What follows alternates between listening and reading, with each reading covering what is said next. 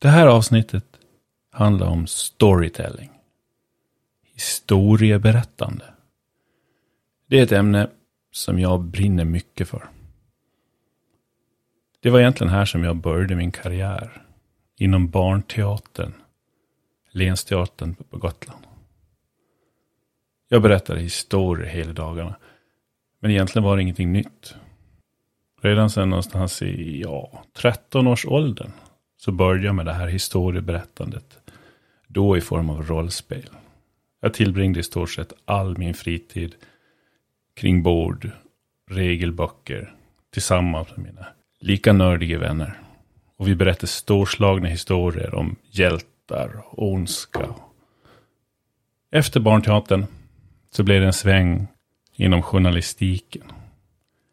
Där berättarkonsten egentligen fortsätter. Om än med lite tydligare väggar, golv och tak. Jag har nog alltid varit en storyteller.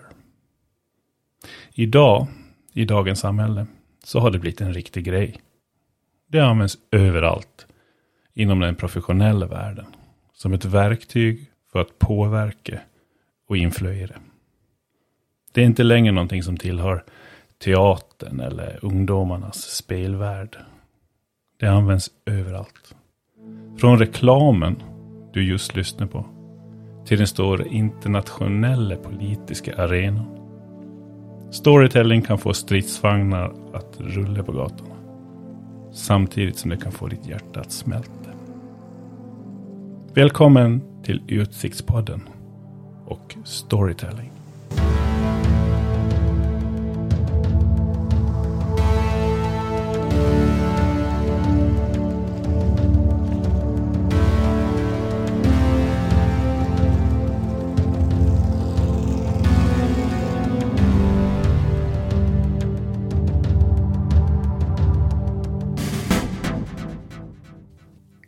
Hej Alexandra och hej Linus. Idag är vi tre stycken som ska göra det här. Jag hoppas det inte blir för tjafsigt, men alla har väl hört på spanarna eller någonting. De, det, det, kan bli så ibland, man pratar lite i munnen på varandra. Så. Ja, ja, precis. Jag tänker så här att jag, eh, min övning i livet är att vara tyst och lyssna. så jag ska göra det jag kan. Eller hur? Inte. Nu ska vi prata. Eller kanske inte. Nej. Nej, nu tycker jag vi ska prata. Och vad ska vi prata om? Ja, vi ska prata om storytelling. Och jag, det är så här, det är ett fantastiskt ämne som jag brinner personligen för, som jag vill prata om, som jag vill bli utmanad i. Jag vill väcka tankar om det. Jag tycker det är jätteviktigt. Men så tänker jag, storytelling, ja men finns det inget svenskt ord för det? Det är det första man kommer till tanken då, historieberättande. Och någonstans inuti mig så inget kan vara mer fel. Historieberättande är precis berätta historia.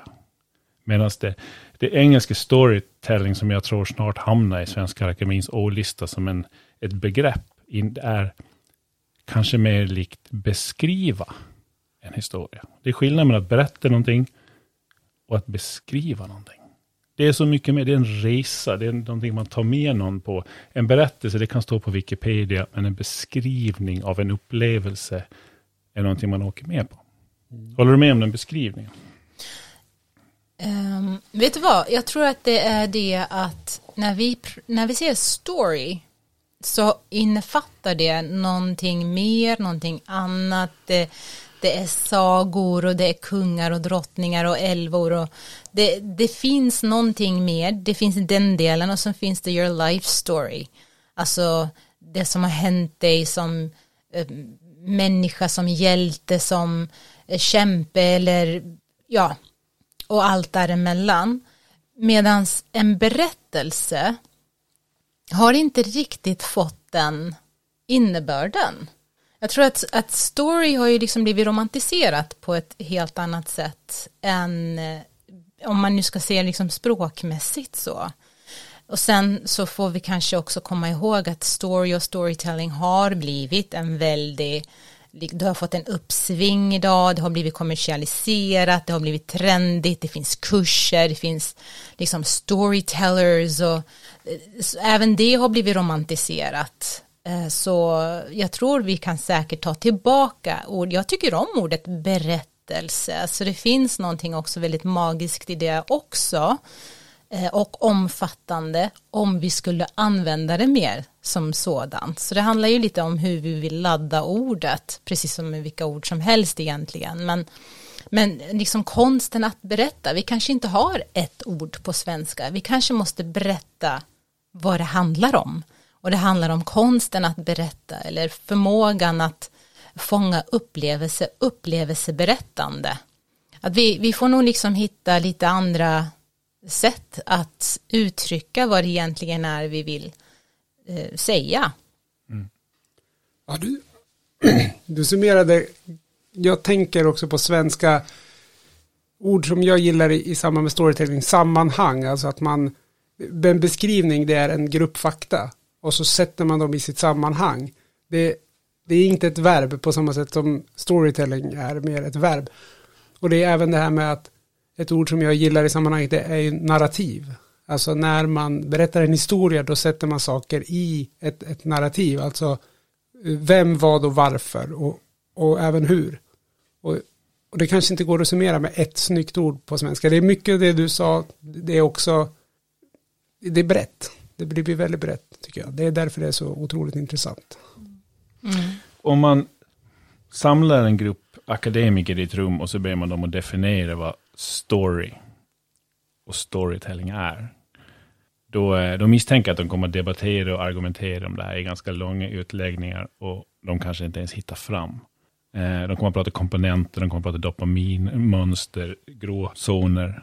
Medan som du tar en, nu ska vi säga inom situationstecken, vanliga människor och ber dem definiera vad storytelling är, så är det som att de instinktivt vet vad det är, de vet när den börjar, de vet när de är mitt i den här resan och de vet vilka känslor och tankar som bjuds på när det bara närmar sig slutet.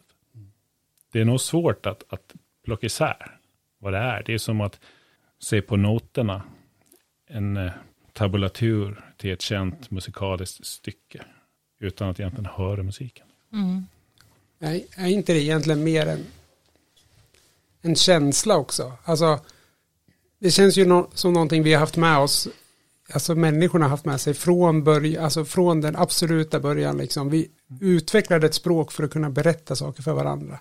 Det, det, det, blir, ibland kan man känna att historien som man är en del av är viktigare än vad man faktiskt gör. Alltså det, det viktigaste vi har, det är liksom historien om oss själva och den grupp vi tycker att vi tillhör. Vi, vi har pratat mycket om det i våra tidigare avsnitt att jag är en del av den här eller den där rörelsen. Jag resonerar på det här sättet och ofta är ju det att jag har min plats i en historia. Och, och jag, jag, tror som sagt, alltså språk och, och framförallt alltså berättarteknik har vi aldrig kommit ifrån. Det har alltid varit en del, liksom den som har ett, ett bra språk, den har alltid haft en fördel.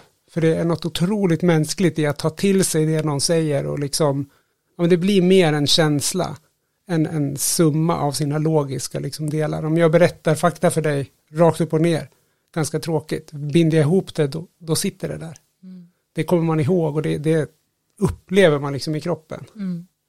Alltså jag skulle till och med säga att eh, berättandet och förmågan att berätta är det som definierar oss som människor. Åtminstone en av sakerna som definierar oss som människor. Men, men just det här att få det kom ju till, och nu säger jag det som om jag kan det här. men, du kan det lika mycket ja, som alla, som alla som andra. Alla andra ja, men ja. det är sant. Det kom till eh, som ett behov, eller ur ett behov att uttrycka någonting. Alltså vi vill berätta eh, vad som pågår i vårt inre. Vi vill dela den, den, den bilden, den upplevelsen, den känslan med någon annan. Och på så sätt så skapar vi communities. Alltså på så sätt så skapar vi en kontakt med andra människor. Och sen, jag menar någonting som jag får till mig nu när jag säger så också, det är att måste berättandet vara verbalt? Kan vi berätta på ett annat sätt? Kan vi, kan vi uttrycka känsla, eh, livet, historia på ett annat, annat sätt än via orden Just. Jag tänker innan vårt språk blev utvecklat så hade vi ju andra sätt att berätta på. Dels då via bilder, men jag tänker liksom det första, första vi hade med oss är ju läten och kroppen. Så det var ju det vi någonstans, föreställer jag mig, det vi började med att berätta historier för varandra för att samla ihop varandra säkert i början. Eh, gå inte dit, det är farligt, följ med här, det här är säkrare. Och att på så sätt också skapa förtroende för varandra. Och sen har ju det förfinats i sin tur. Men, men med det sagt så finns det ju något väldigt, väldigt, eh, alltså nära, väldigt, väldigt eh, alldeles liksom innanför huden på oss, det här behovet att få berätta. Om vi idag kallar det för att gnälla, för det är ett sorts berättande, eller klaga på någonting, eller protestera om någonting, eller manifestera om någonting, allt det här är ju ett sätt, eh, olika uttryck för att berätta, det här är vad jag känner, kan ni följa med mig? Och sen är det precis som du säger Linus, sen så förfinar vi våra tekniker så att vi kan fånga upp fler och fler och, och skapa berättelser, berättelser som, som, eh, som berör oss på djupet. Och då är vi inne på det här med vilka, om vi vill, vilka känslohormoner är det som går igång i olika sammanhang och då börjar vi liksom kanske till och med komma in på lite manipulation men, men då blir det liksom förfinat i, i, in i det oändliga. Varken bra eller dåligt ska jag säga. Det beror på vad man har för syften alltid. Men det är ett mäktigt mm. redskap. Så från att vara ett behov till att bli ett redskap. Jag skulle vilja säga att jag vill också gå tillbaka till den här tiden innan. Och de här grottmålningarna man kan hitta nu. Finns ju teorier om att det, var, det låter lite roligt, men att det är var liksom den tidens Netflix. För att, för att sätta det i moderna ord. Och då är det knutet till vår överlevnad. Mm. Alltså, det är sagor som återberättas, som ändå, det finns en sorts lärdom i det här. Alltså vi, vi tänker oss när farfar Hugo Chava blev attackerad av en buffel och i sista stunden så hoppade han åt sidan. Och så kom han på att eld skrämde bort buffel. Och det är en jättehärlig historia som han berättar om och om igen. Mm. Så att folk inte behöver göra samma misstag. Mm. Och först med ord och leten och sen med grottmålningar för att kunna få information och sträcka sig i fler generationer. Mm. Så jag tror att det är en, en, precis som du säger, att det är det som definierar oss som människor. Det finns en, en bok som heter The Story, nu kommer boktipsen in igen, men det finns en bok som heter The Storytelling Animal, How Stories Make Us Human, med Jonathan Gottschall, som han skriver. Och den är en fantastisk bok som egentligen handlar om det här, vi är eh, storytelling-varelser. Det är det som verkligen gör att vi står ut ifrån allt annat. Liksom. Mm. Otroligt intressant. Mm. Jo, men om det nu är så här. Det, alla vet att det är viktigt. Det är långt tillbaka i tiden. Det definierar oss. Personligen så, så eh, har jag varit intresserad av länge. Jag kan nog säga att jag har använt det i hela mitt liv. Alltså i, i alla yrken jag har haft. Från arbetsintervju till fikarum till hur jag interagerar med människor, hur jag presenterar någonting. Och jag känner att feedbacken jag, jag får eh, kopplas ihop med mig som, som person. Och det har, väl, det har väl gått bra för mig. För på något sätt, jag har storytelling som en stark egenskap. Och folk förstår det när man lägger fram det så. Ändå upplever jag någonstans också i samhället att, att det anses oseriöst. Tycker du det? Ja, jag tycker det. Att, tycker... På vilket sätt oseriöst? Alltså var, varför känner du så? Hur har det kommit sig till uttryck för dig? För det passar inte i alla sammanhang att prata om det här historieberättandet i, i juridiska sammanhang och jobba på en ekonomiavdelning. Och överhuvudtaget att de tänker att jag, jag kan inte få gå en kurs storytelling om, om jag är en revisor. Alltså det, det på något sätt, det, det skär sig lite, de förstår inte varför. Medan jag skulle vilja hävda att ja, men kanske storytelling handlar om att få människor att, att hålla med mig. Alltså det, är mm. först, det är precis som du säger, lite manipulativt, men det kan ju användas till en fördel. Säljmänniskor vet om det här. Så där har storytelling kommit långt, men i för många andra branscher så är det inte alls anses som någon viktig egenskap. Vi kan ta den amerikanska skolan där man har retorik i skolschemat och den svenska skolan har inte alls det. Mm. Det, är, det är egentligen samma grej det också. Mm. Men är det inte just det då att vi har tappat något i översättningen där? Storytelling. Då är det, ska du skriva en ny Sagan om ringen? Ska du verkligen göra det på arbetstid? Men en retorikkurs, det får vem som helst gå som har en någorlunda rimlig chef idag. Det är ju, det är ju väl investerade pengar. Det är ju kanske en, om vi går tillbaka på översättning. Men det är ju retorik och storytelling, det är ju samma sak. Det är Mm. bara ett sätt att prata så att folk håller sig intresserade. Mm. Och jag skulle säga att de här yrkesgrupperna jag tog upp, de är ju oftast väldigt slipade retoriker. Mm. Men kanske också de som är längst bort från att kalla sig själva för storytellers. Just för att det känns som ett litet flummigt, alltså live-ord, om, om man säger så, lite ungdomsgrej. Där har vi nog tappat lite i vår översättning skulle jag gissa. Mm. Men det är ju också det där att story kommer in i alla möjliga sammanhang eh, som gör också att det blir urvattnat, tyvärr. Eh, för att det är ju, som, återigen, det är ju liksom det mest fundamentala för oss. Vi använder ju det i rättssalarna. Om, om min revisor ska berätta någonting om min ekonomi så kommer han säkert att använda sig av en story för att liksom på något sätt göra det tydligare för mig varför de här siffrorna ser ut som de gör och vad de innebär i liksom verkligheten i livet. Så jag, det är precis har, det har där. aldrig varit med om det. Har aldrig varit med Inte om, om, om, en, om en revision som känns intressant.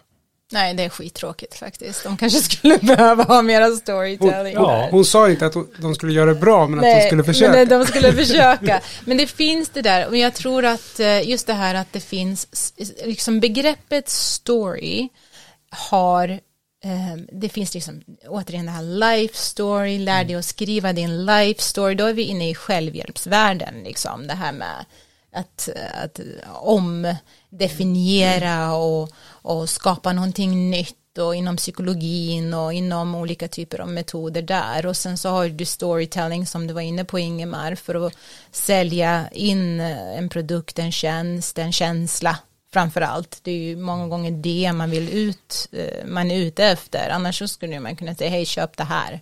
Jaha varför?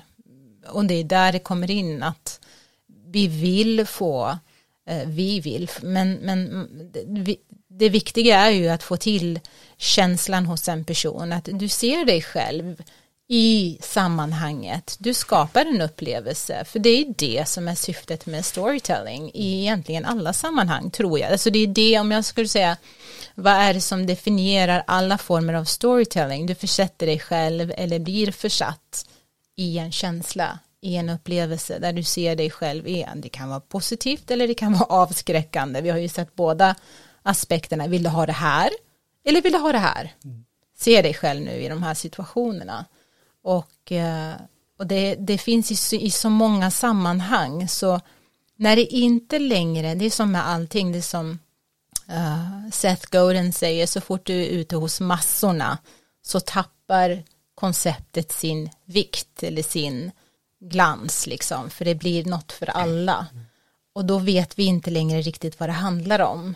Och vad händer då? Då, då, då, liksom bara, då blir det ju sådär att det blir oseriöst. Ja, jag tror du var inne på det tidigare, det här med att gnälla, att det är en del av storytelling. Och till att knyta till det du sa nu, det här med att skapa en grupp och en vi-känsla. Och liksom skilja sig från alla andra. Det är ju liksom, har man gemensamma gnäll-stories, eller gemensamma drömstories, ett, ett idrottslag, alla är mot samma mål, eller alla vi sitter på fikabordet och klagar på vädret. Då är vi ju en grupp. Och som du sa, ib- ibland definierar man ju en vi-känsla med hur hög tröskeln var. Och det kan vara väldigt viktigt att man är liksom inne i klicken. Och då har man en gemensam story som man utgår ifrån. Och det kan vara en liten historia eller en stor historia. Men den är exklusiv för just den, det liksom sammanhanget. Kan storytelling vara bra eller dåligt? Kan det vara ont och gott? Alltså det- är ju storytellerns, berättarens um, syften som, som blir väl i fokus där tror jag. Och sen ja, är det bra eller dåligt? Det beror på vad man är ute efter och vad eh, resultatet blir. Vi har ju sett genom historien lägen där berättelser har varit förödande. Jag, eh, på tal om böcker, nu måste jag, jag har ju liksom flera böcker här i skallen på mig som snurrar runt, jag ska försöka ge dem ett utrymme. Men en av böckerna som har gjort stort, stor inverkan på mig, liksom miljoner andra människor, är ju Sapiens. Där eh, Yuval Harari pratar om hur dels berättelser har varit fundamentala och har knutit oss samman, skapat communities, men också skapat division, alltså eh, vi och dem, vilket i sin tur är ju förödande på massa olika sätt. Vi ser ju det idag liksom i sammanhang, jag menar herregud, jag, jag vill inte ta i ämnet, men ni vet vad jag pratar om, liksom den här senaste tiden av pandemi och allt det har inneburit och det finns verklighet och så finns det det som är sant. Det som är sant kommer att ta tid att förstå sig på. Och det kanske vi aldrig riktigt förstår oss på. För det beror på vem det är som berättar och varför. Det som är verkligt är det vi har framför oss. Det vi faktiskt har fått känna och se. Och um, det är väl där resultatet är. Vill jag, liksom för att komma tillbaka till din fråga, kan det, bli, kan det vara bra, kan det vara dåligt? Ja, för om vi tittar på verkligheten, hur mycket lidande har den här, det här berättandet inneburit? Det, det är så jag tänker just nu och sen så finns det ju liksom massivt med utveckling på just, på just det, tänker jag. Jag, jag vill ju väcka frågan för att jag, jag hävdar att vi, om vi är lite blinda ibland för hur effektivt storytelling är, när det kan vara riktigt bra, så är det ju per default lika blinda på hur, hur eh, farligt det kan vara. Mm. Jag tycker här finns det all skäl för att ha lite medvetande om, om att just nu är jag, jag är utsatt för storytelling. Mm. Och, och om det, jag hörde någon gång att man ska se på storytelling som man ser på Legos soldater, alltså hyrsoldater. Mm. De är kraftfulla. Mm. Och men de är egentligen varken onda eller goda. Det är ju vad någon, vad någon betalar dem för att göra. Mm. Och sen så får någon bedöma handlingen efteråt. Och resultatet som du säger. Alltså vi, om vi tar två stora världsgrejer. Vi tar, eh, vi kan se det som händer nu. Stridsvagnar rullar in i Ukraina.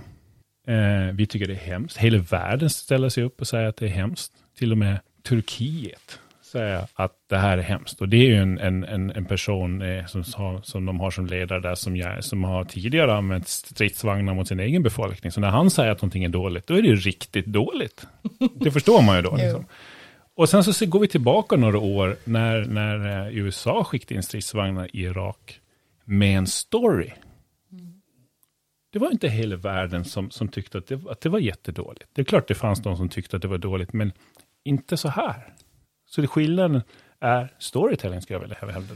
Sen säger jag inte att någonting av det här är bra, så, såklart. Jag vill säga det. det är ingen, ingen stridsvagn ska rulla in i något land.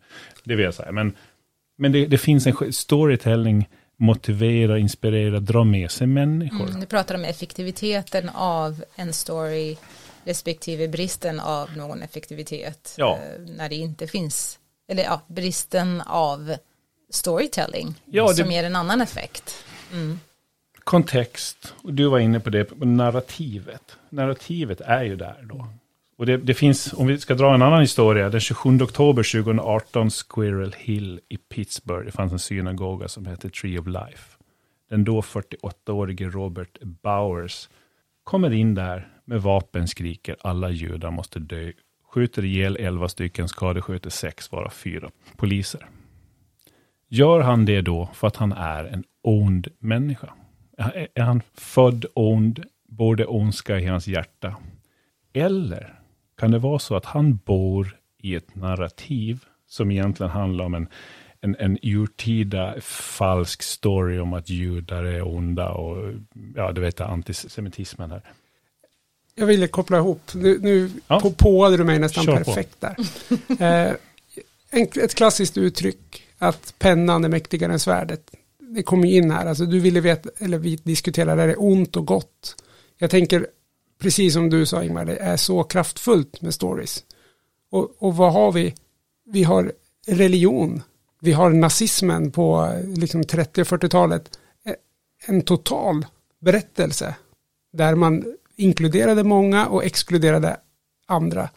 Och jag menar, det, det är exakt samma fråga där. När det här med, nu, nu är ju det nästan, eller det är definitivt ett negativt uttryck att vara en good German idag, att bara liksom hänga med, men alltså det har ju blivit något väldigt nedvärderande som framför allt kanske konservativa personer i USA använder om, om liberala röster som inte sätter sig emot hela tiden då.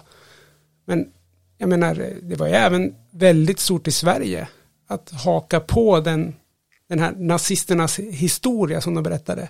Kanske inte hela den här krigsbiten, men det var ju så mycket större berättelse om hela den här liksom rasdiffer, vad heter det, alltså att man ville sära på folk, man ville mäta på folk. Mm. Och även religion är ju också en jätteviktig, och jag säger inte att det är ont eller gott, men det är ju en jättetydlig vi och dem. Och, och vi som passar in här, våra röster, de, de sammanfaller ju, även när de blir extrema. Så det bygger ju på allt det andra liksom. Hela tiden små, enkla ja, som blir större och större åtaganden. Och det betyder inte att den som är här ute är i vissa fall självklart radikaliserad. Men det, det är inte så att man tar en helt oinsatt människa och liksom börjar längst ut på kanten utan man bygger upp den här historien under ett långt inkluderande. Och, och där är ju min åsikt är att berättelser, det har vi överallt och det är nog ett av de, alltså farligt är fel kanske. Det kan ju vara jättebra också men det är ett kraftfullt verktyg. Politik och religion. Ja. Va? Ja, alltså, det, det, det, är någonstans så är det ju liksom bygger, de, de bygger på stories. Ja. Alltså jag tänker det finns ju det finns ju någonting som heter en, en, en god, en vanlig sosse och det, det, är liksom att vara en moderat. Jag kan tycka att det är ganska, på många fall, det, de här människorna har ingen aning om vad som står i partiprogrammen, men man har en bild av vad det är att vara moderat, vad det är att vara vänsterpartist. Och den bilden är, alltså historien vänsterpartist, det är mycket viktigare egentligen än det fakta sen som står i partiprogrammet. Mm. Om man inte spinner det. Och det är det man gör. Mm. Så allt det är ju ett utlopp för det här med, med stories, hur känsliga vi är för det och hur viktigt vi tycker det är. När vi väl har köpt en historia, då, då försvarar vi den till varje pris. Den här boken jag berättade om, The, Storytelling Animal med Jonathan Gottschall, han, han uttrycker där att berättelser, då, stories, är den bästa och starkaste konstruktiva kraften som vi har i världen. Samtidigt som det är den mest destruktiva.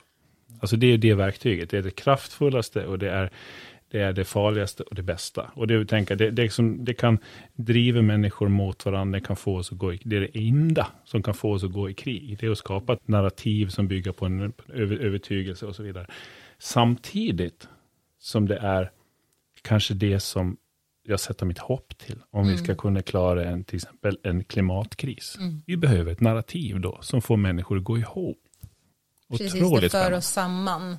Och det är ju där, det är ju där de, de stora, eh, det där tekniken kan bli riktigt eh, till, till stor fördel. För att, jag menar, vi har en, en klimatkris. Eh, sen så finns det de som påstår att den inte finns. Och de har väl sina följare också för en besvärlig historia mm. att det finns en klimatkris där.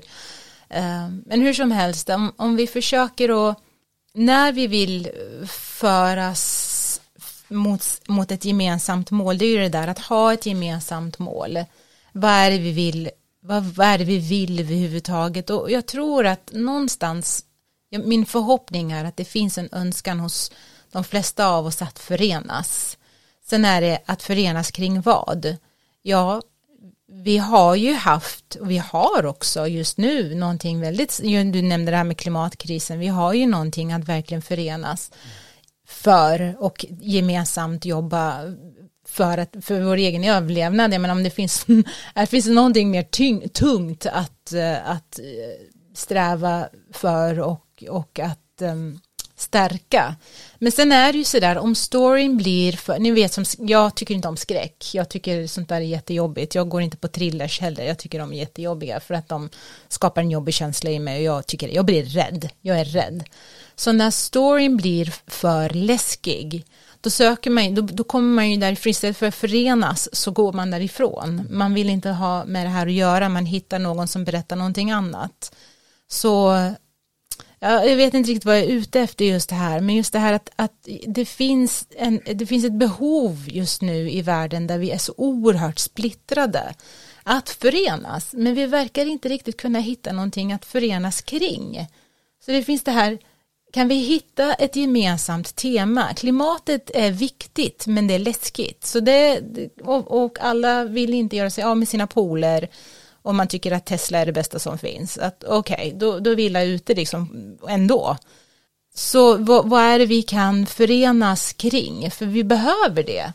Och där har jag liksom en sån här känsla av att okej, okay, what's the story about now? Alltså vad har vi nu att eh, jobba med? Men, men om vi har eh, klimatet, då kan man ju säga så här, ja men det finns lite för många narrativ just nu. Man, mm. man, är ju, som du sa, lite, nästan lite oense om, om det enda man vet är att om 4,9 miljarder år så har vi klimatproblem här på jorden.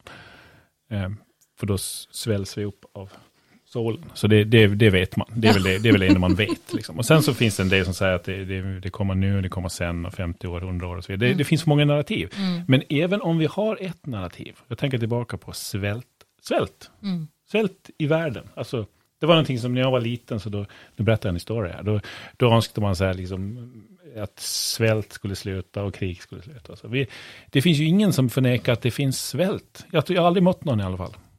Och ändå så har vi inte gjort någonting åt det. Mm. Så det är frågan är, även om vi har ett narrativ, så har det inte kanske varit starkt nog.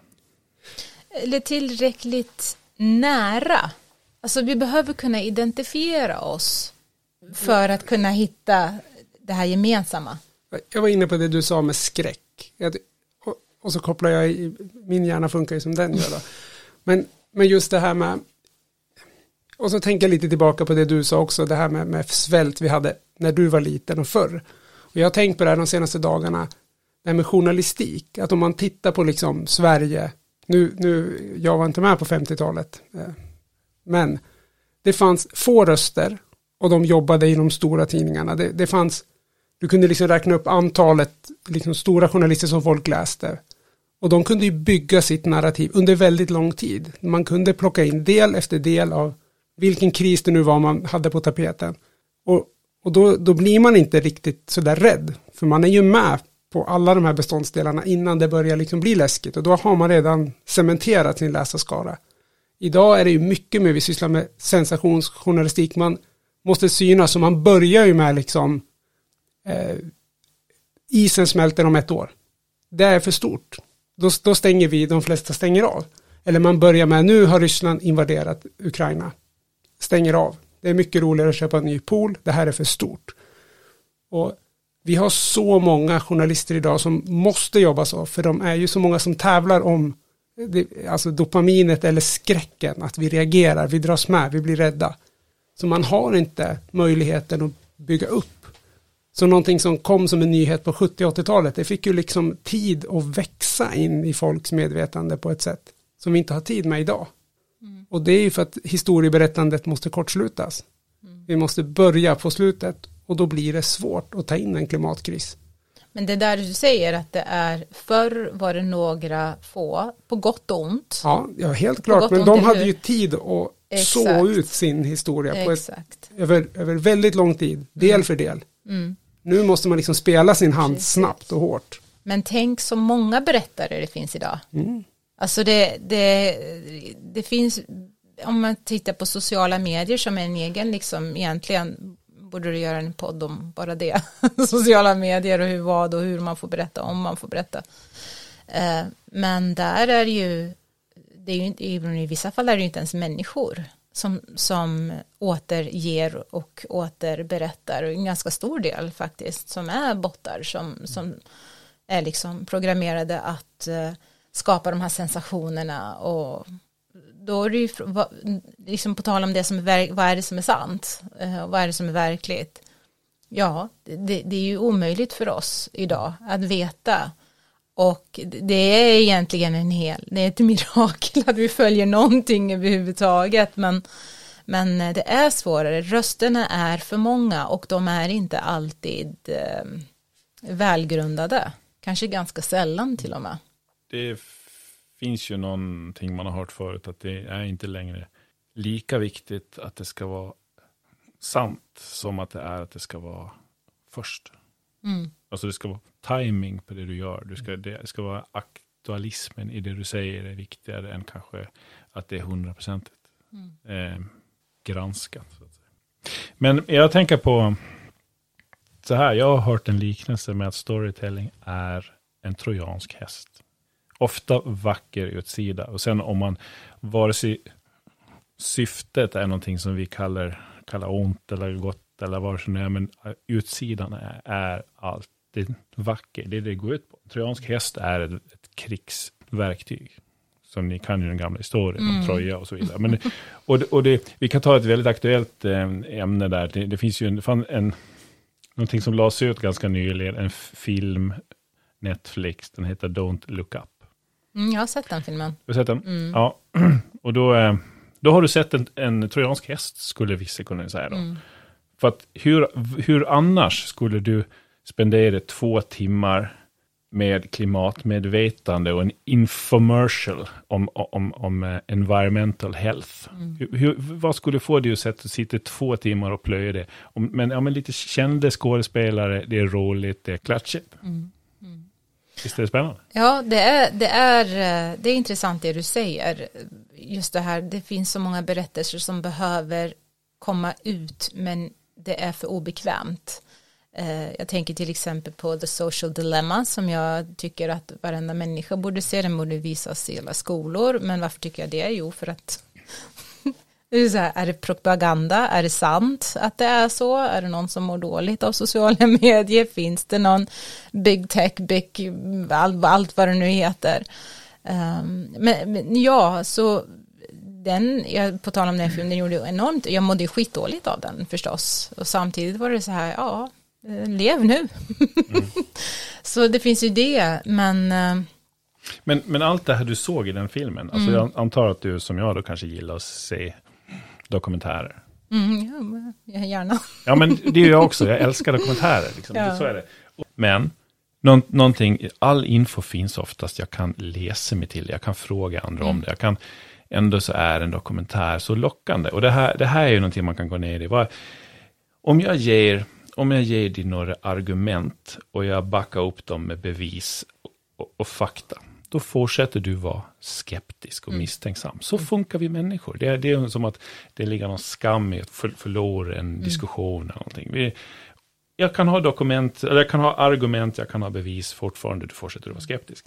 Det jag kan göra istället, jag, jag, jag kan alltså inte få dig att byta åsikt egentligen, men bara lägger fram argument. Det är jättesvårt, det händer väl sällan. Det händer aldrig inom politik och religion.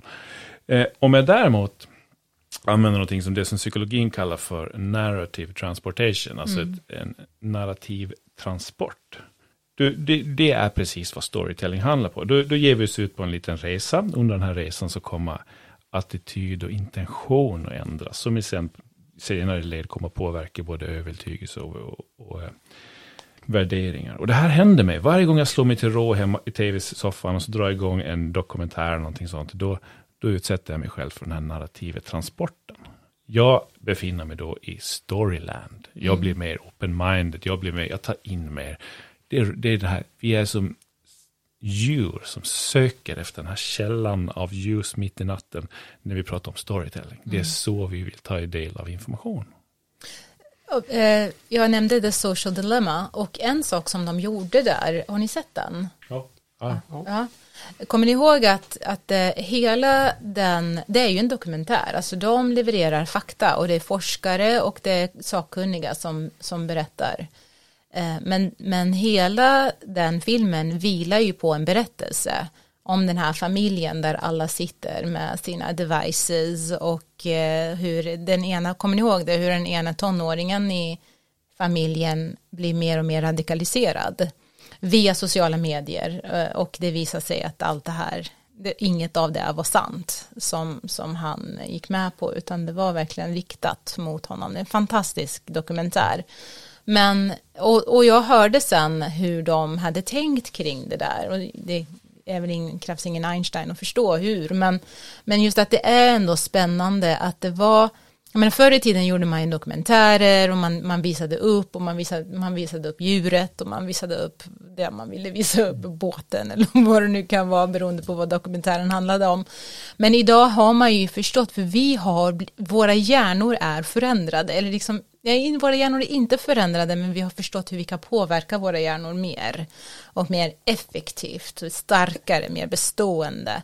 Och ett sätt är ju via storytelling, så till och med dokumentärerna har ändrat karaktär till att bli eh, en berättelse där man själv kan känna igen sig. För igenkänningsfaktor i en berättelse är viktigt för att det ska vara berör, för att jag ska bli berörd. Annars så kommer man inte att bli berörd. Man kommer inte att känna det där att man vill agera. Det är ju det som är själva syftet, till exempel med en dokumentär som bygger på story, är just vi vill att du ska agera, agera på det här nu. Eh, det finns en ny nu som det här Tinder Swindler. Den här, ja, ja, ja som jag inte har sett ännu, men men jag är sugen på att göra det. Jag fattar ju vad det handlar om, men det ska bli kul att se det. Eh, och, och, det är just det här, kan det här, kan det här hända mig? Kan det här hända mig? Det är ju det som är egentligen eh, det, det mäktiga i storytelling, att det här berör mig, jag är del av det som sker här. Och vi var inne på politik och vi var inne på religion, men jag skulle också vilja plocka in de här gamla sagornas syfte att eh, beröra och vi liksom pratar om liksom kring eldstaden och man satt där och det var de äldre som berättade och att det fanns liksom någonting väldigt gemenskapligt kring det hela och mysigt och, och fint och härligt. Men det var också ett sätt att uppfostra den yngre generationen. Oh ja, det, alltså jag kommer att tänka på ett begrepp nu som alltid i alla sagor så slutar den med ett ord som jag nästan har glömt bort som jag kommer på nu och det heter sensmoral. sensmoral. Mm. Vi har, alltså, om du går och ser på The Tinder Swindler eller Social Dilemma, det finns ju, ja Social Dilemma kanske, men det finns ju, så man, man, man sitter inte efteråt och bara, okej, okay, sensmoralen var, mm. utan jag kan, bli, jag kan bli lämnad uppsträckt i skräck. Mm. Och där, där kommer eftertexterna. Jag förstår ingenting, mm. men det var läskigt. Mm. Precis.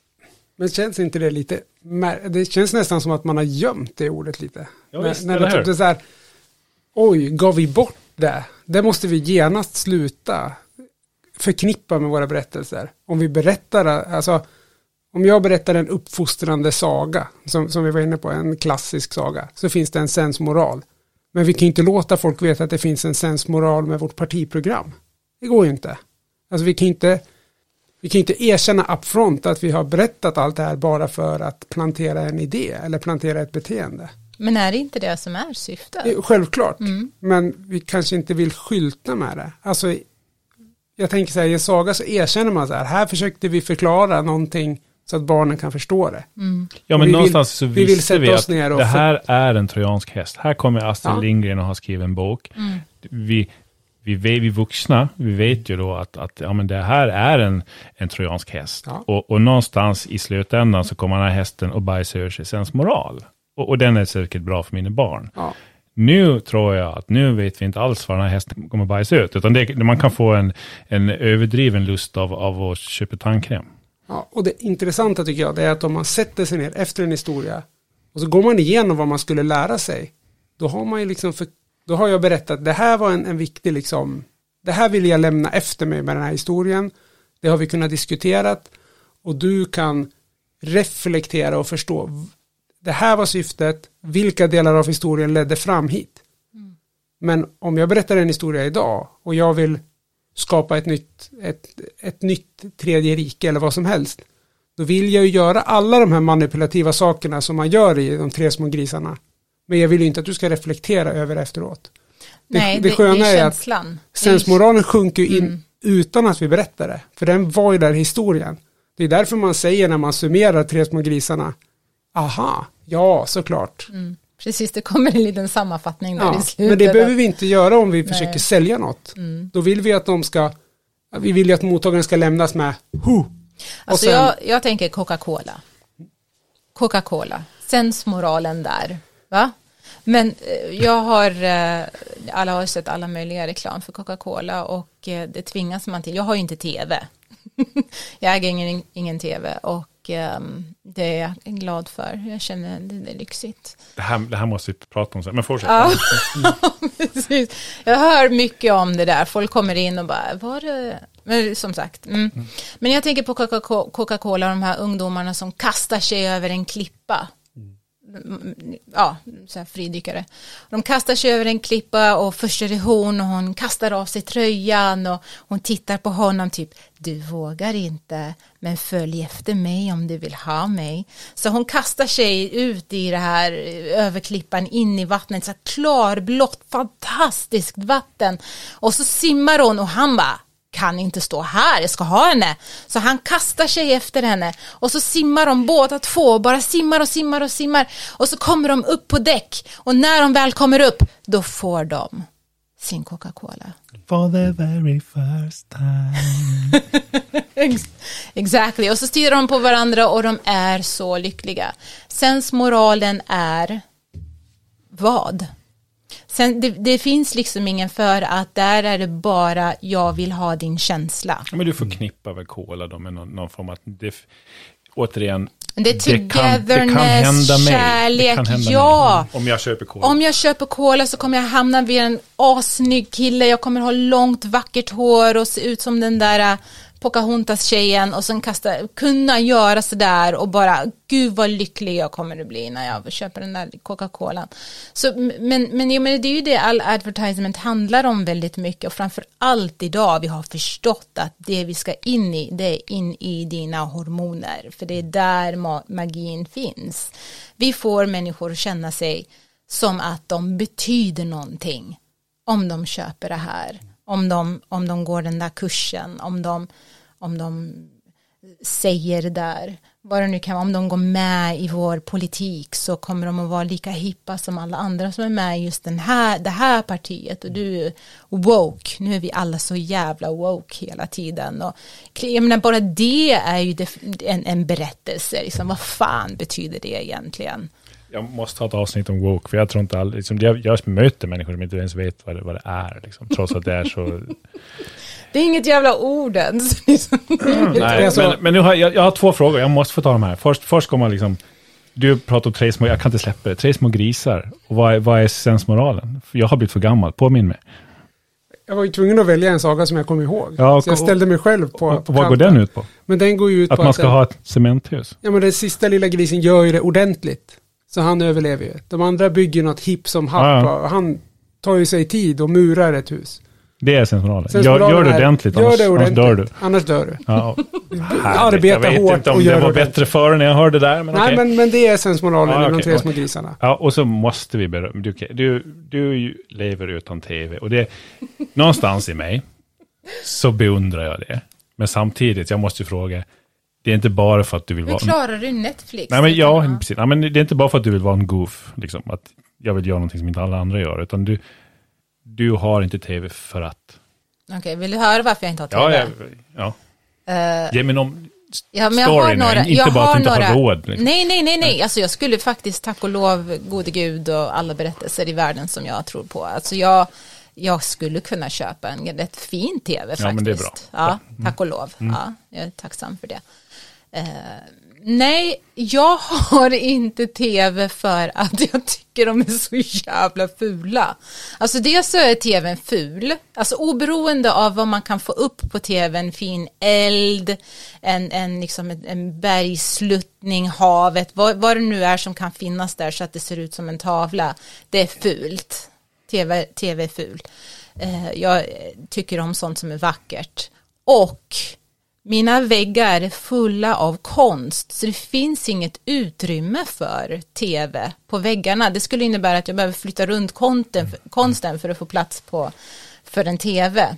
Så att det, det, det, det är en av anledningarna, nu var det väl två anledningar, ful och sen konsten har upptagit eh, rummet. Och faktiskt det här är kanske det viktigaste av allt, även om konsten är rätt viktigt.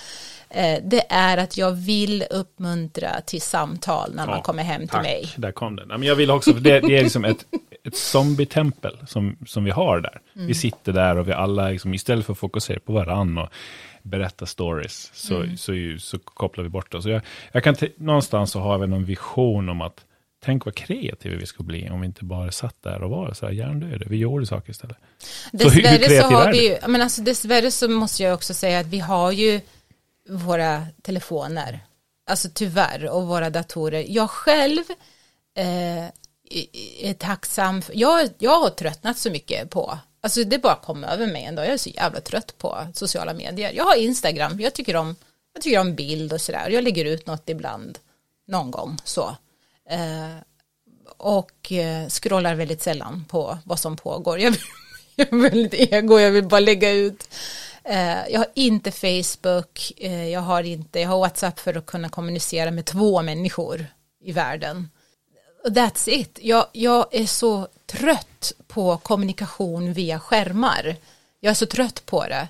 Så jag, för mig är det vad det har gjort med min kreativitet. Alltså jag, du vet, jag ska säga jag är podd-junkie. Alltså det är så här flera poddar om dagen. Och sen så slutar jag lyssna under ett tag och sen så lyssnar jag igen. Eh, jag, jag älskar poddar. Men, eh, och jag använder liksom telefonen för medita meditationsappar som jag använder Sam Harris, eh, Waking Up och sådana här saker. Jag tycker om det. Men annars så läser jag massor med böcker och jag skriver som aldrig förr och jag liksom, vi har ju regler, ingen, inga telefoner kring matbordet, i köket överhuvudtaget, när vi är tillsammans så är vi tillsammans, vi pratar och jag måste säga vi har, eh, Eh, jag, jag är uppvuxen och har också under hela mitt vuxna liv uppmuntrat och uppmuntrats till samtal. Är det någonting som jag är stolt över att ha liksom förmedlat vidare till mina barn, det är förmågan att sitta och berätta Berätta vad som helst, men berätta, prata, eh, engagera dig i det som sägs och sen så har jag också egentligen bara relation men när jag tänker efter så de jag umgås med är alla fantastiska historieberättare. Alltså storytellers av alla varianter. Jag har liksom, det är performers och det är ingenjörer och det är fotografer faktiskt, Ingemar. och det är alla möjliga människor som jag har omkring mig som, som berättar. Och eh, det är en konst som vi behöver ta tillbaka. Vi behöver hämta hem det igen för det håller på att dö ut. Och, och det håller på att dö ut bland vanliga människor, vanliga inom situationstecken så. För vem är vanlig egentligen? Eh, och den har börjat bli, eh, eh vad säger man, den har, den har tagits, den har liksom snotts av så kallade experter. Det är bara de, man behöver hyra in en storyteller för, för att det ska bli riktigt rätt. Mm. Som om storytelling, förmågan, konsten att återberätta någonting. För det är alltid ett återberättande, för det fanns någonstans inom oss först, innan det kommer ut. Att återberätta någonting, att det skulle vara någonting liksom udda, annorlunda. Det är bara Eh, George Lucas och eh, Luc Besson och eh, några andra Steven Spielberg som kan berätta och sen några enstaka andra som vi kan eh, hyra in för dyra pengar eller gå kurs hos. Det är bara de som kan story. Och det är inte så. Vi började med att det är liksom en inneboende medfödd förmåga och sen huruvida vi utvecklar det sen och vilka vi har omkring oss i vårt sällskap som hjälper oss att utveckla det vidare, att bli starkare i det, att tycka att det är spännande, lyssna. Det, det är någonting som, som eh, vi, vi får ta tillbaka. Det tycker jag är viktigt. Ja, det var skönt. Jag ville återknyta lite nästan med förra avsnittet som du och jag gjorde Linus, men vi pratade dopamin och vi var inne på det här, är, när man blir så matad med saker försvinner kreativiteten då. Det var nästan det jag ville undersöka lite här med, med Alexandra. Med tanke på att du har sagt nej till social media, du har sagt nej till tv och, och um, jag, jag tänkte att du har kanske svaret. men jag tror att du är mer på väg mot precis det du sa nu. Vi kanske bör vara lite mer medvetna om att det, det finns ett annat håll vi ska rikta oss mot, mot varandra. Men alltså, för det, krävs ju ytterligare, det krävs människor för att ett berättande ska kunna få genomslag. Alltså jag skulle kunna berätta saker för min katt hela dagarna lång och hon bara, mm, var är maten, människa? Alltså det, det, det finns liksom inte, ni förstår vad jag menar, hon pratar mm. inte. Nej, vi har inte kommit dit än. Eh, berättandet, berätt, för att berättandet ska få genomslagskraft och för att det ska hända någonting så krävs det i relation. Det sker alltid, alltid eh, som få saker man kan säga alltid om faktiskt, men det sker i relation. I relation till mig själv och i relation till människor omkring mig. Och ju, ju mer fokus jag har på, eh, eh om jag säger så här, det jag fokuserar på förändras i sig självt i relation till mig och jag förändras i relation till, jag observer, till det jag observerar, till det jag fokuserar på.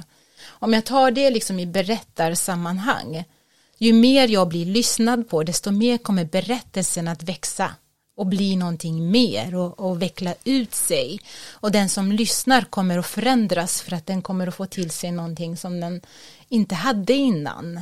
Rösten och, och, och liksom själva relationen, det händer någonting där. Och, och ja, det du var inne på det är ju det här, vi vänder oss till varandra. Vi behöver det, alltså det, det krävs och det är därför jag tror att om vi återtar makten eller makten, ja makten, alltså reclaim your story på ett sätt som gör att vi kan börja eh, samlas igen på riktigt i liksom IRL, det är ju gammalt så säger man kanske inte längre, men liksom på riktigt att man träffas, att man har sina middagar, att man har sina sammankomster där man faktiskt har kanske till och med rundor Idag, jag menar tack och lov så finns det grupper, man kan gå i grupp, man kan träffas med andra, det finns fortfarande, vi har i Sverige har vi föreningslivet. Som är lite utdöende, jag är hemskt ledsen säga det. Okej, tyvärr, jag är ledsen och alltså, nu ser jag inte mig i föreningslivet. Men det är just därför det håller på ja, att dö. Det håller på att men, men jag menar, jag vet liksom, jag som yogalärare, i sammanhanget. Eh, jag har en massa andra saker, men jag är också yogalärare. Och är det någonting jag hör ifrån mina deltagare är vi vill samlas. Vi vill komma samman. Och är det någonting den här pandemin har gjort med oss är just att inte bara splittra oss ifrån varandra rent fysiskt, men också det att det har, jag tror, jag tror att det har urvattnat berättelsen, det här med att man faktiskt sitter och pratar med varandra och och återger sina liv och sina tankar och sina känslor för varandra. Mm.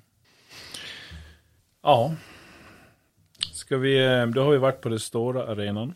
Jag pratar om krig, påverkan, trojanska hästar och så ner till den enskilda. Reclaim your story. Mm. Du är en, en historia på något sätt. Um, allt det talar om är ju att vi är historieberättare i grunden. Och vi är mottagliga för det. Och du kan välja att använda ordet sårbar om du vill. Mm. Vi kommer att fortsätta med storytelling. Um, vi gör det mycket nu i sociala medier. Det är ju storytelling media. Mm doserat med lite dopamin, såklart. Men, men är det inte också viktigt, koppla tillbaka till delar av det du sa här. Eh, alltså relationen, samspelet mellan människor, att berätta en historia, även om det bara är den ena som pratar, så är det ju en, det är ju en dialog, alltså en bra historia, den kräver ju både en lyssnare, men, men också en, en aktiv berättare som kan anpassa sig till de reaktioner som den, den liksom observerar. Vi, vi var inne på tidigare i början här med att det behöver inte ens finnas ett språk. Alltså alla mänskliga relationer är ju en berättelse. Jag sitter på ett sätt, jag rör mig på ett sätt, jag förmedlar någonting, du förmedlar någonting tillbaka. Eh, jag, jag tror också att vi måste ta tillbaka det. Alltså, så fort man lägger någonting i en dokumentär eller en bok, då måste man man måste skräddarsy sitt budskap så det passar många. Man måste på något sätt måste man förutspå eh, hormonerna igen. Vad kommer den, när i den här berättelsen ska jag sätta in dopaminstöten, när ska det bli spännande? Eh, skulle jag berätta historia A för hundra personer, då kanske jag måste berätta den på hundra olika sätt. Medan om jag ska berätta den bara en enda gång, då måste den vara så liksom allmängiltig på något sätt. Då, då, det blir som att man, man har satt ner ett mänskligt samspel på, en plats.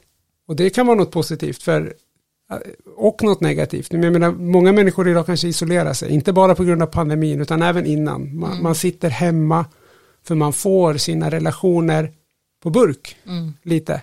Eh, men det är väldigt viktigt, alltså vi, vi är ju sociala djur.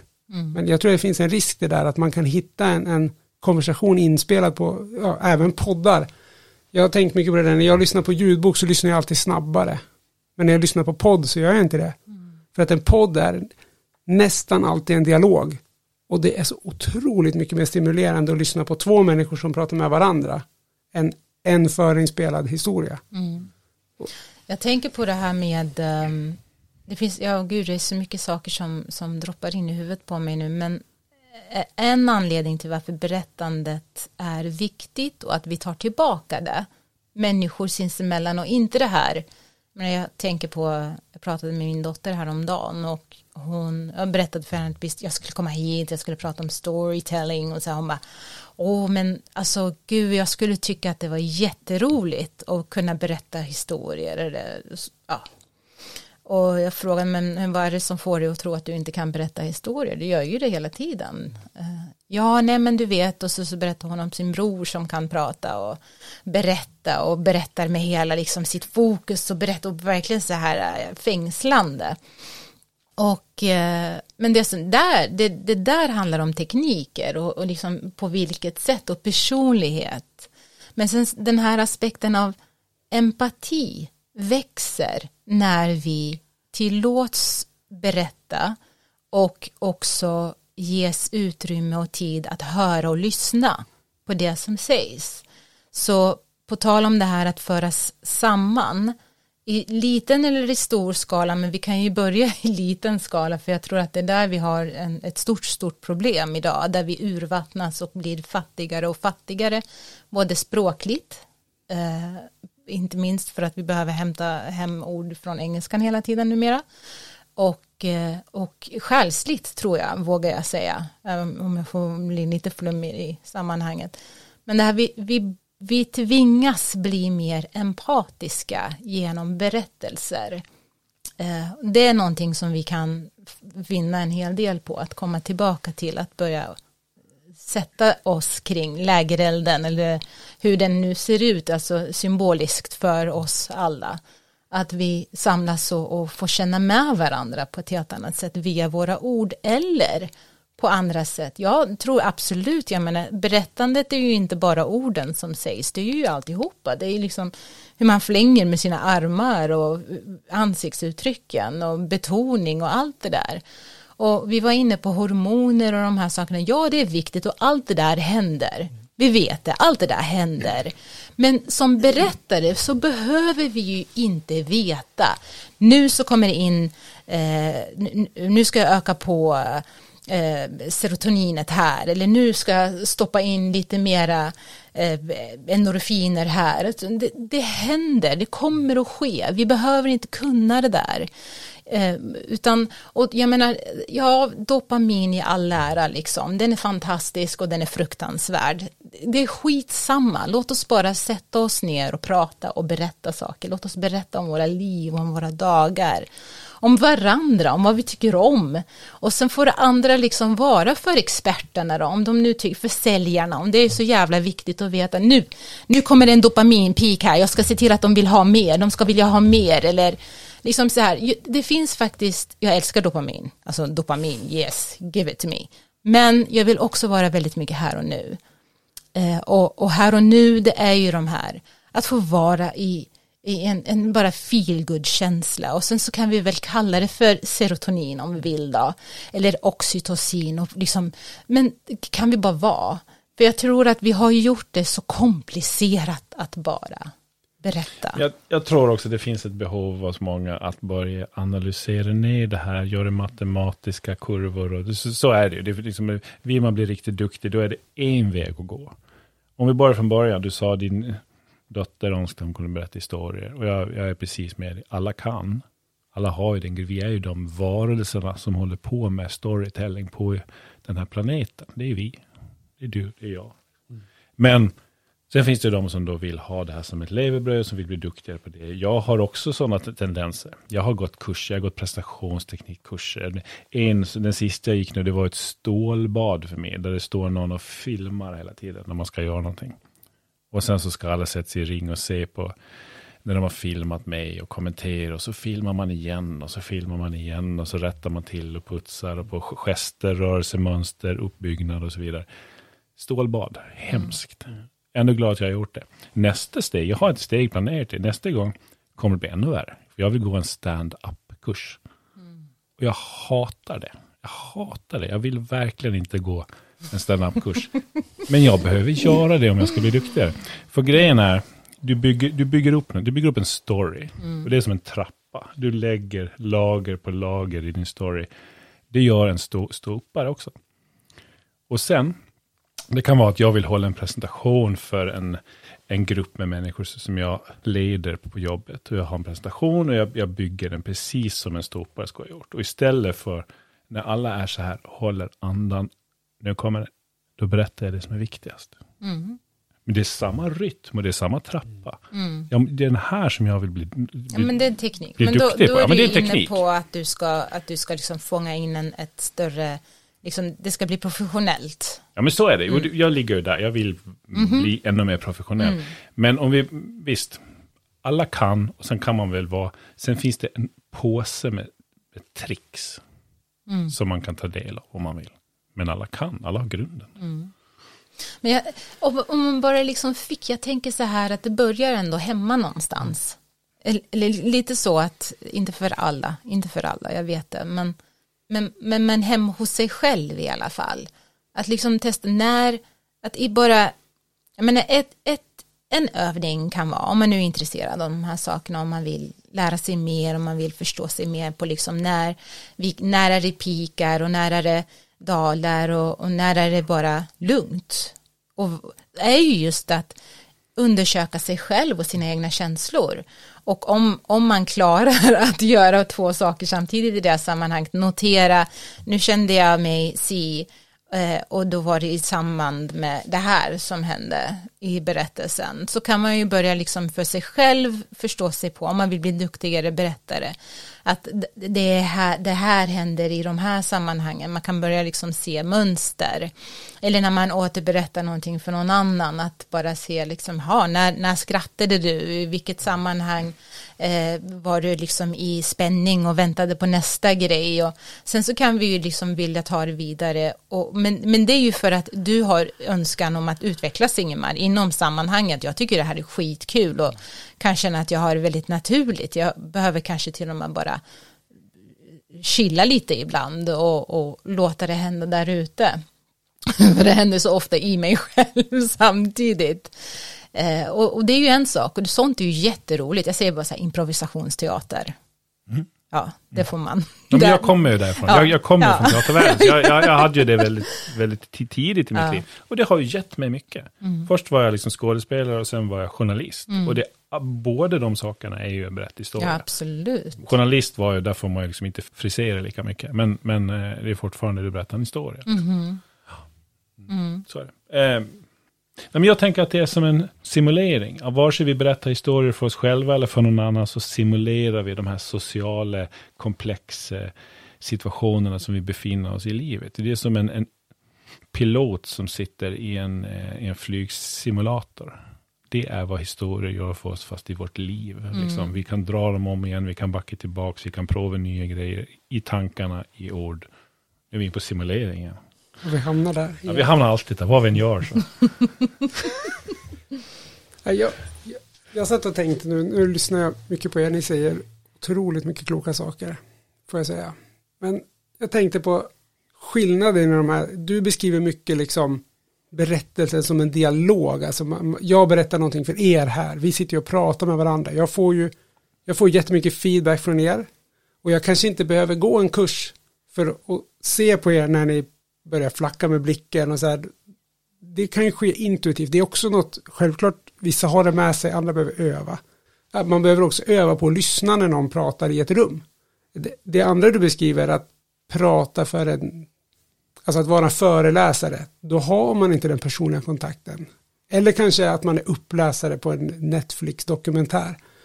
Då, då måste du använda, då måste du kanske det, det kan också vara något man har mer eller mindre i sig. Man kan säkert få det genom att prata med människor på det här sättet som vi gör nu. Men, men där måste man ju på något sätt vara sin egen feedback loop. Och jag tänkte lite på det, vi sa det här med Netflix och isolering, att sitter vi hemma, alltså, om, om, alltså att lyssna aktivt, det är ju att ta in och höra, men det är också att återkoppla. Om jag sitter hemma väldigt, väldigt mycket mer idag än vad vi gjorde för, för många år sedan, jag behöver inte alls ta ansvar för hur jag liksom coachar den som berättar för mig. Alltså passivt, det här gör jag utan att tänka efter. Men jag kan ju liksom, jag kan ju ligga i soffan och halvblunda och ta in jätteintressanta saker via en, en inspelad dokumentär. Men jag tror att om du Ingmar skulle försöka berätta något för mig, något superintressant, förklara ett nytt spel och jag bara ligger hemma i soffan och halvkisar och tittar i taket, då kommer du, du kommer inte göra ett bra jobb av det då, automatiskt. Utan Nej. jag måste ju också få öva i att vara en, en, en aktiv, passiv del av en berättelse. Och det, det tror jag också vi förlorar. Det är jätteviktigt. Det du det, säger nu, jag, hade, jag har hållit mycket föreläsningar innan covid kom till byn. Mm. Jag hade mycket föreläsningar, mycket presentationer, mycket i mitt jobb. Och sen kom det och sen så blev allting på Teams eller på, på digitala möten. Och, och då var tanken att ja, men du kan väl fortsätta eh, berätta på... Och jag provade väl någon gång. Alla stänger av video, alla stänger av ljud och så sitter jag och snackar med en vägg. En, mm. Det funkar inte för mig. Jag måste ha kontakt med människor som jag pratar med. Oavsett mm. om jag berättar en historia eller om jag bara är jag. Men även i, du var inne Lins på att det liksom, att det, du sa inte opersonligt men inte lika personligt kanske du sa, alltså när man föreläser men det personliga i berättandet är så fundamentalt. Vi behöver ha åhörare, alltså någon som lyssnar. Så även om man står på scen, som du snart kommer att göra här Ingemar framöver när du har din stå-up comedy shows, så kommer oh, du... Jag ja, älskar att jag berättar det där för dig. så kommer du att trots allt, när det sitter en, liksom ett par tusen i, i, i publiken, eh, så, så kommer du att välja ut de första raderna. Ja, men så gör man ju. För att du måste ha en åhör, du måste veta att någon lyssnar. För att alltså feedbacken kommer ju ifrån dem, från åhörarna, från lyssnaren. Det är där jag vet, var jag rolig nu, var jag, var jag ledsam nu, var jag tråkig nu, ska sluta nu. Alltså överhuvudtaget vad det är som sägs. Jag, var, jag fick förmånen, ska jag säga, att vara gymnasielärare under ett år. Och eh, det var den bästa träningen för mig ever, att vara liksom inför folk och prata. Jag har gjort det i typ 20 år, jag har alltid gjort det. Men i, i, vanligtvis så är det väldigt snälla och artiga människor som många gånger har betalt för att komma och lyssna på det jag har att det är, säga. Det är så du jobbar. Ja, det är så jag jobbar. Så där står jag och ska prata inför de här ungdomarna. Och är, vill man bli bättre så ska man prata inför ungdomar, eller ja. till och med barn. För att de lär ju inte på något sätt dölja att man eh, behöver vara tydligare, eller om man var rolig, eller om man var tråkig, eller om det var något de inte förstår. Eh, så det, det var jättehäftigt faktiskt att få det samspelet. Men, men just det är det som är ordet, samspelet. För berättandet sker i samspel, även faktiskt om det är en bok. Alltså någonstans så har man en, en önskan som berättare att nå ut. För om inte den önskan finns så kommer man inte att, antingen så når man inte ut överhuvudtaget eller så, ja man skriver inte. Alltså det, överhuvudtaget så är all berättande uttryckligen någonting som vill någonstans. För att vara lite ernstig. Sådär, hörde ni det? Det vill någonstans, det vill beröra, det vill komma innanför huden på folk. Men på vilket sätt och hur? Känner du det? Vill Känner du det? Vänta, rundstaven kommer snart här också. Alltså, förlåt Ernst. Jag älskar Ernst by the way. Han är en fantastisk historieberättare. Så jag menar, det, där ehm, det finns ett jag menar, han har ju en skärm framför sig. Alltså han, han har ju en crew, på tal om Ernst. Så jag menar, men, men någonstans måste man ha gjort det så många gånger, eller man kan liksom införliva i sig själv den responsen man vill ha. Mm. Så man, man berättar men man har hela tiden det där samspelet med någonting. Det är lite det jag, jag får efter också. Vi får ju av Ernst också och av Netflix. Vi får ju extremt många bra, även vi som sitter hemma med passiva lyssnare. Vi får extremt många exempel på den typen av berättande som, som sker utan en närvarande publik. Alltså, jag håller med, det, det är klart, berätta en historia så jag måste ju förutsätta, jag måste ju försätta det, jag måste ha det här samspelet, men jag måste skapa det blint där. Och vi får jättemånga exempel på hur vi når ut till en, en publik liksom i ett, ja, i ett vakuum på något sätt. Mm. Men, men det kanske inte alltid översätter till att vi klarar av att berätta en historia på platsen. Nej, det är olika Alltså, saker. Det är helt, jag har också varit med om det här med att sitta och ha ett teamsmöte och försöka engagera och utbilda människor som ger noll respons. Det, är- det är bland det jobbigaste. Men är inte det göra. ännu värre? För man vet att de är där, man ser deras namn, eller åtminstone initialer. Man vet att de är där, men de samspelar inte. Det tycker jag kan vara ännu värre. Jag, jag minns när jag gjorde filmer för uh, Yoga Anytime och då, då, då, hade vi, då fanns det en crew, det fanns en filmkamera, det fanns någon som satt där och lyssnade på mig också och såg till att det blev rätt och allt sånt där. Eh, det fanns folk i rummet och jag fick just den uppmaningen, liksom föreställ dig att men du, det är folk som lyssnar på dig. Och vad är det du vill förmedla? Så att vi har liksom ändå med oss någonting. Det gick an. Och det fanns folk i rummet som faktiskt lyssnade på vad jag sa. Som det är med Ernst också. Och som det är när man gör Netflix-program också. För det finns ju någon i rummet. Så I rummet finns det fysiska liksom, människor som, som är där och hör och, och som återkopplar. Men att sitta via Teams där, in, där jag vet att det finns folk där. De är inloggade. Om jag, om jag frågar någon, om jag ropar någon, ut någons namn så kommer de att säga ja. Men det finns ingen interaktion alls. Jag, jag satt för, ja men precis i början då, som sagt, när vi började på digitalt. Och jag sitter i någon, eh, ett stort möte, folk med folk, och jag sitter och ska ha en presentation och någonstans där så slänger jag in ett skämt. Och jag, jag är ju van vid att jag vet att det går ett skämt i publiken, liksom, när, man, när man säger så här. Och där då, när alla sitter på mute, så jag drar mitt skämt. det kom blod ur Ingemar. Ja. Alltså det är S, det, jag har fortfarande mardrömmar om det. Man sitter tyst, hur länge ska jag vänta? Hur, Nej, jag, jag vill inte göra det. Ja, alltså att spela in en film, det är ju en sak. Men det där, jag, jag tänkte på det när du sa stå upp så här, förstå och försök vara stå upp komiker via Teams. Ja, det går. Det måste ju vara, det går ju inte. Alltså det bygger också på ett, ett alltså att spela in en film, då Nu, vet man hörni, ju nu får ni sluta med det här ståuppkomiker. Kom igen nu. Nej, men, det, var inte, det var inte bara riktat mot var jag menar här, generellt. man, man, måste ha, man måste kräva att alla har bild och ljud på. Ja. jag jag tror att om man liksom sitter och spelar in en film själv så är inte det heller behagligt. Alltså lite utav det, det bygger på att man kan sitta, som du säger, det står någon bakom kameran. Mm. Men, men när man, det knyter väl an till det vi har pratat om hela tiden, att en berättelse måste ske I samspel. i samspel. Mm. Även om samspelet är att någon ska titta på den här filmen efteråt. Det, det, är, också, det är också en form av samspel.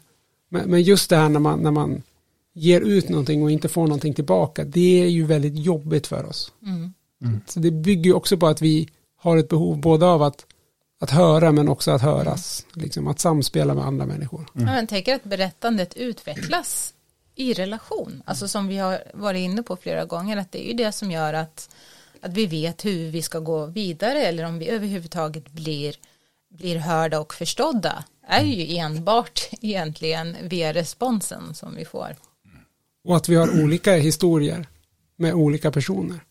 Vi har en, kan också ha en helt annan, jag kan ju vara en typ av berättare hemma, en annan typ av berättare på jobbet. Och det kan också vara mellan två olika personer i hemmet eller på jobbet. Man, man har ju också byggt sitt gemensamma berättande också på ett sätt. Så det är ju relation. Hörni, stories. Det är inte bara någonting som är farligt och lömska sanningar i en trojansk häst. Storytelling bjuder även på lösningarna som jag tror vi behöver i framtiden. Ehm, de här lösningarna som kräver motivation, hopp och övertygelse hos det dina och människor omkring dig. Jag tror på storytelling. Jag tycker vi ska fortsätta med det. Jag tycker vi ska bli medvetna framför allt. Allting vi läser i tidningar, media, allting, allting är storytelling nu för tiden. Det är, en, det är små trojanska hästar. Vi vet inte vad som kommer ut där bak. Förr i tiden var det sensmoral. Nu vet vi inte riktigt. Mm, Det är en överraskning varje gång. Mm. Tack för att ni kom hit. Stort tack. Stort tack.